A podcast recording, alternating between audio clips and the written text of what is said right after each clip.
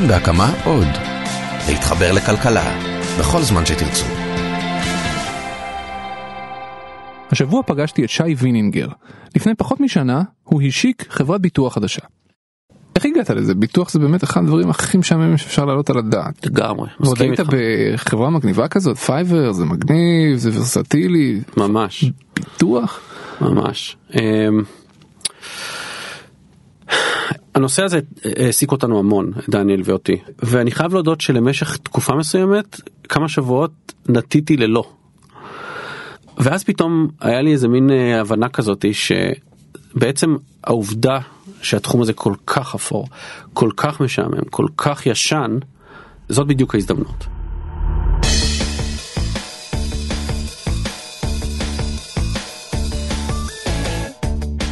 שלום וברוכים הבאים לחיות כיס, הפודקאסט של כאן באמת, אני שאול אמסטרדמסקי.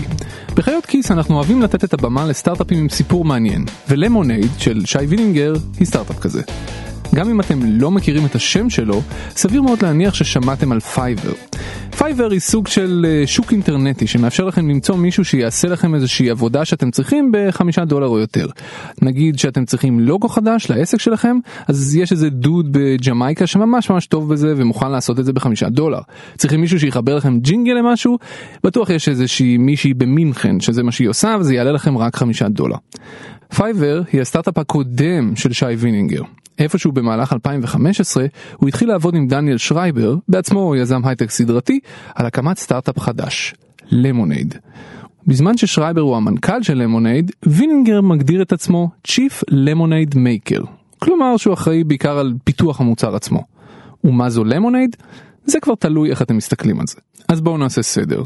למונייד היא חברת ביטוח. היא פועלת בעיקר בניו יורק וממש אתמול היא הודיעה על התרחבות למדינת אילינוי.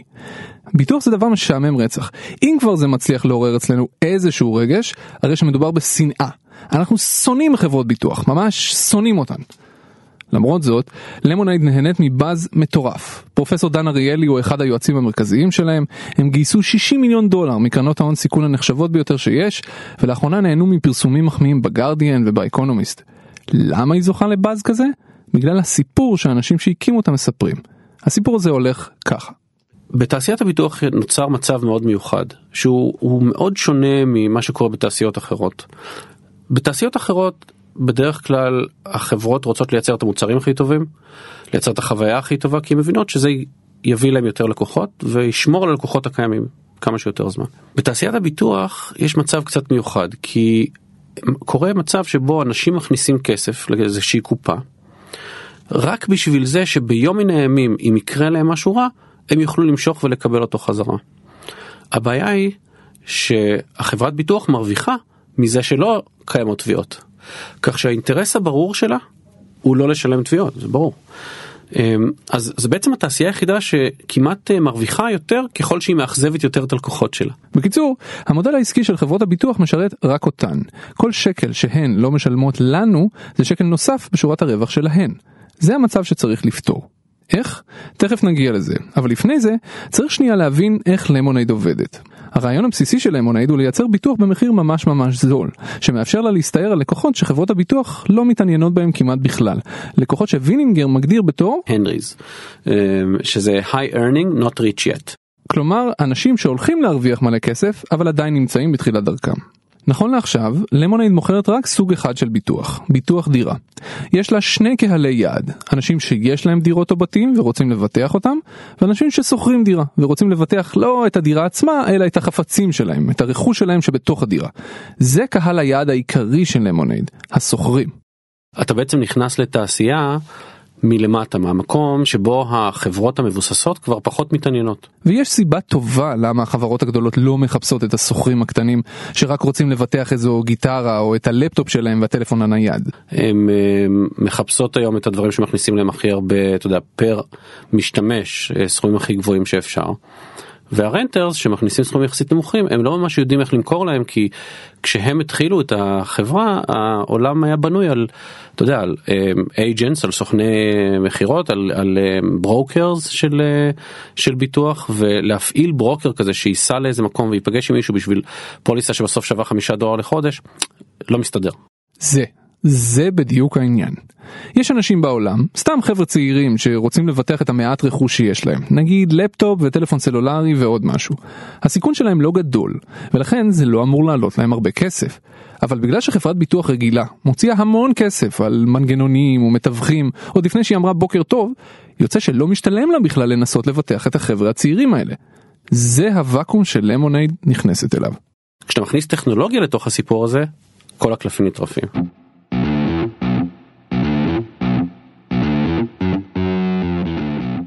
אוקיי, okay, אז בוא נדבר שנייה על איך למונייד עובדת. אני עכשיו אה, סוחר שגר בניו יורק, ואני רוצה לבטח את הרכוש שלי, הדירה לא שלי, אני רוצה לבטח את הדברים שיש לי בדירה, ושמעתי שיש את הדבר הזה שנקרא למונייד. איך זה עובד? אז או שאתה נכנס לאתר שלנו שאתה מוריד את האפליקציה mm-hmm. אבל החוויה היא חוויה אז ניסיתי בעצמי הורדתי את האפליקציה הכל ורוד וכיפי וחמודי ומזמין כזה ופונה לקהל של אנשים צעירים ומגניבים צעירים ממני בכל אופן. אתה יודע כיוון שבמשך המון המון שנים אנשים התרגלו לקנות ביטוח מאנשים. אז כשהתחלנו לפתח את המוצר הבנו בשלב די מוקדם שאם אנחנו רוצים להקל על הקונה לעבור את התהליך הזה ולא רק להציג לו איזה סט של אפשרויות שהוא צריך לבחור בעצמו אתה יודע זה שם עליך המון אחריות אתה פתאום צריך להחליט. אני רוצה לסמן את הדבר הזה או לא רוצה לסמן את הדבר הזה, מסובך, נורא מסובך כן. ואף אחד לא מעניין אותו גם בינינו זה לא ממש משהו שמעניין אותך אתה רוצה mm-hmm. לעבור הלאה נכון אז הבנו שאנחנו צריכים למצוא איזושהי סוג של אינטראקציה שמובילה אותך לתוך התהליך הזה. ברגע שאתם נכנסים פנימה מאיה הבוט של למונייד שואלת אתכם מה הכתובת שלכם אתם עונים לה, ואז היא שואלת שלוש שאלות בלבד. האם אתם שוכרים דירה או בעלי דירה? האם יש לכם שותפים? גלה ישן או מערכת הגנה מפריצות? ואם יש לכם תכשיטים מעל אלף דולר. וזהו.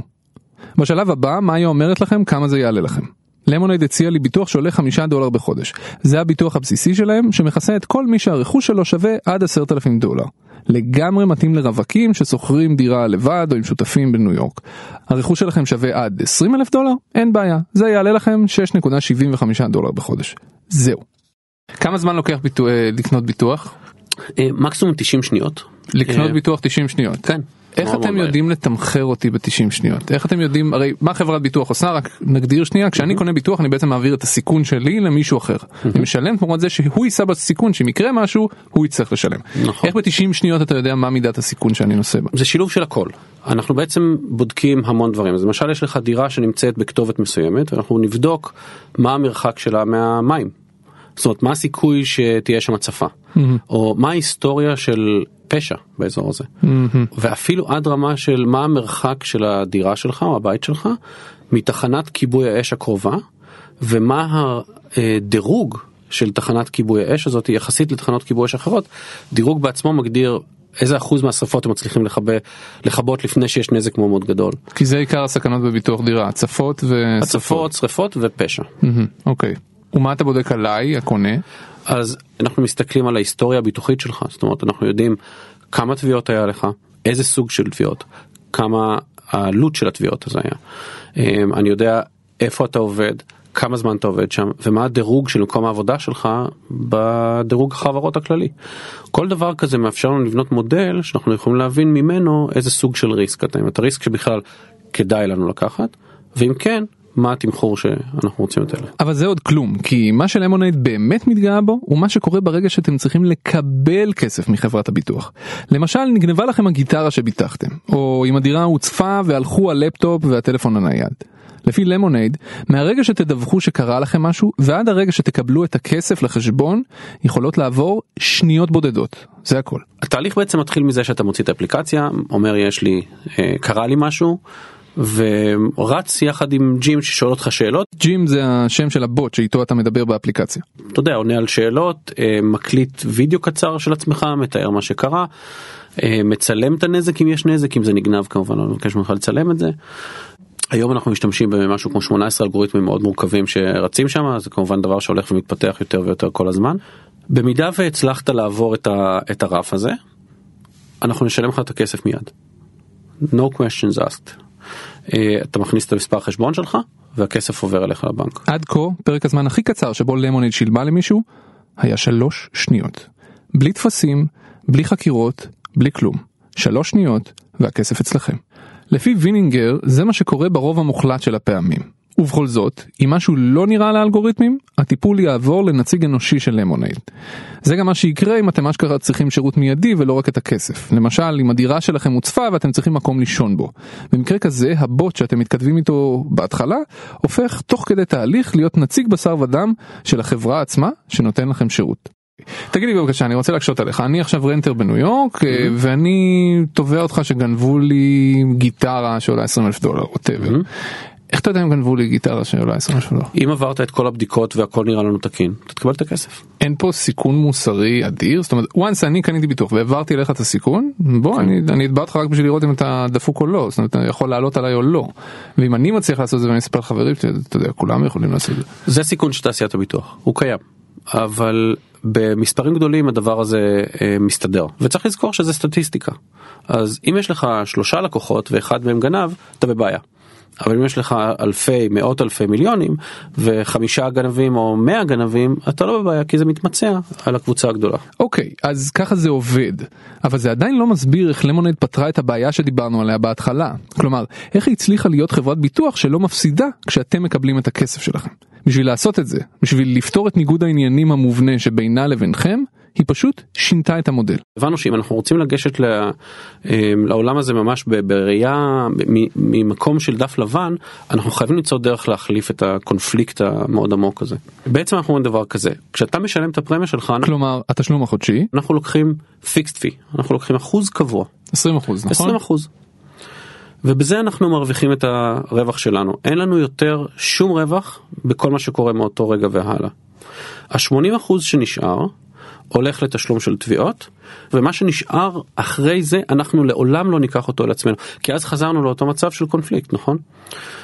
ולכן נשארנו רק עם הנושא של ה-charities. כשווינינגר מדבר על charities הוא מתכוון שכל הכסף שנשאר בקופה בסוף השנה מחולק לכל מיני מטרות, causes באמריקאית, מטרות שהלקוחות של למונייד הגדירו מראש. בואו נמחיש את זה בדוגמה. נניח שיש איזה 100 חבר'ה ששוכרים דירות, כן? וכל אחד מהם שילם 5 דולר כל חודש. יוצא שבקופה הזאת הצטברו לאורך כל השנה 6,000 דולר. מתוך הסכום הזה, למונייד לוקחת עמלה של 20%, כלומר 1,200 דולר. מה שאומר שבקופה יש 4,800 דולר. עכשיו, נניח שרק שלושה מהחבר'ה האלה תבעו כסף במהלך השנה, כי גנבו להם דברים או כי נשרפה להם הדירה. לכל היתר פשוט לא קרה כלום. כל התביעות האלה יגיעו ל-3,600 דולר, סתם לדוגמה. זה אומר שאחרי כל ההפחתות האלה, כל הכסף של התביעות ששמנו בצד, נשארו בקופה 1,200 דולר. במקום שהסכום הזה ילך כרווח ללמונייד, הוא יעבור לטובת מטרה משותפת שאותה קבוצה של שוכרים, אותה קבוצה של לקוחות, הגדירה מראש. למשל, לשיפוץ מועדונית לקשישים. למשל, לחיפוש תרופה לסרטן ההרמונית. סתם המצאתי, אבל הבנתם את הרעיון.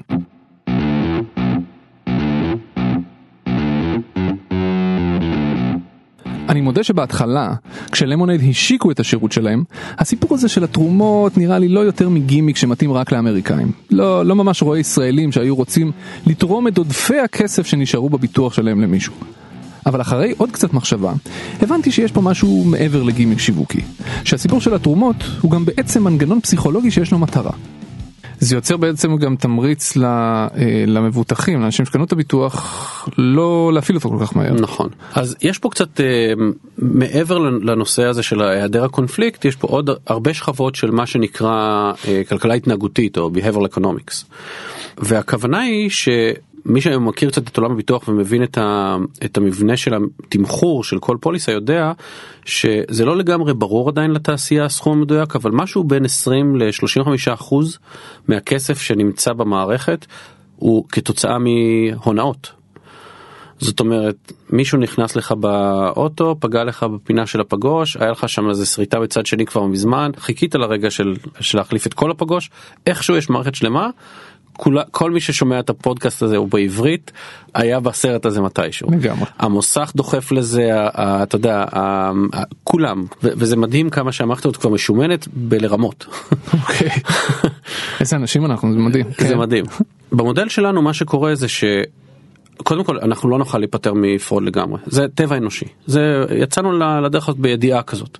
אבל כשאתה רוצה להילחם בפרוד חלק ממה שאתה יכול לעשות זה כל פעם לכרסם בו קצת. זה להוריד אלמנטים מסוימים שאתה יודע שהרי לא כולנו גנבים ושקרנים נכון? אני חושב אני חושב שאפילו רובנו לא. נראה לי כן. אה, אבל יש לנו מקומות מסוימים רגישים שאנחנו יכולים טיפה איך אומרים? לעגל פינות.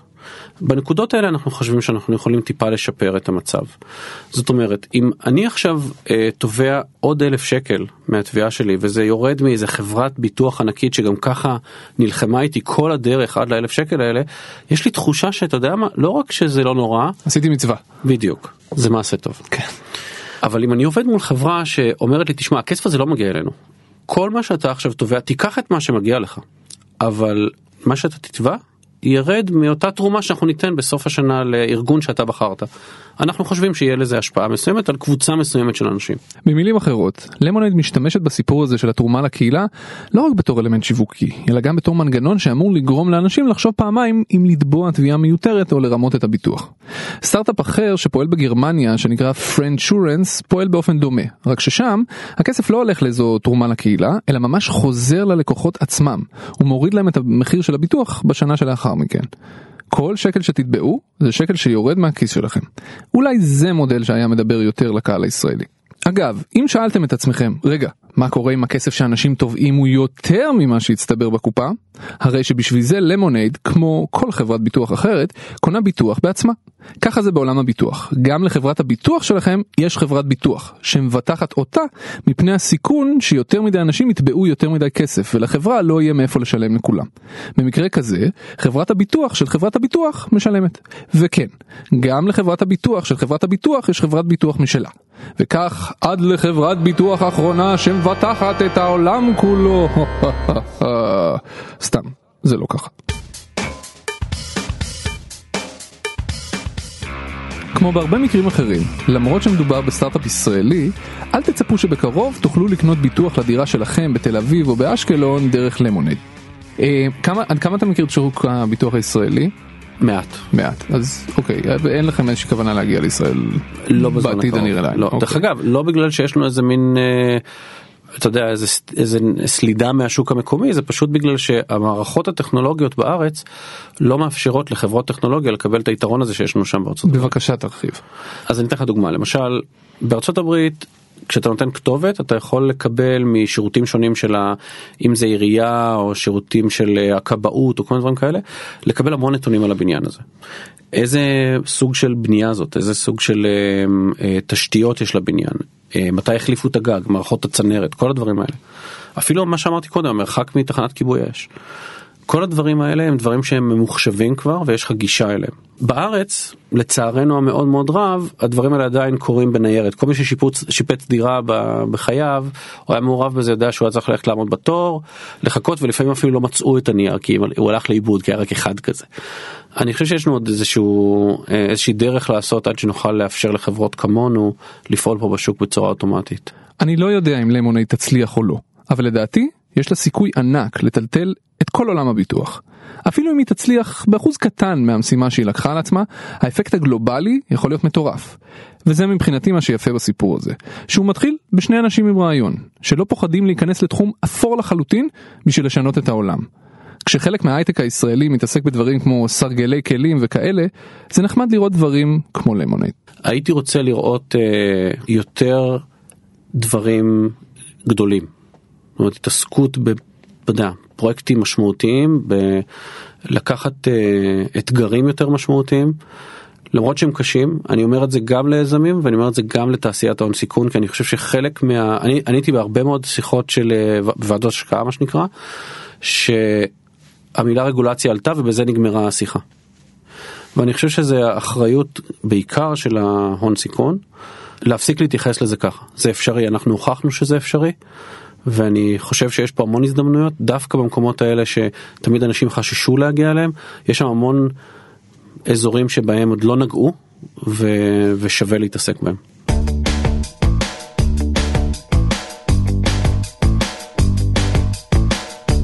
אם גם לכם יש סטארט-אפ מעניין שהולך לשנות את העולם, כתבו לנו. נשמח לשמוע ואולי גם לספר את הסיפור שלכם.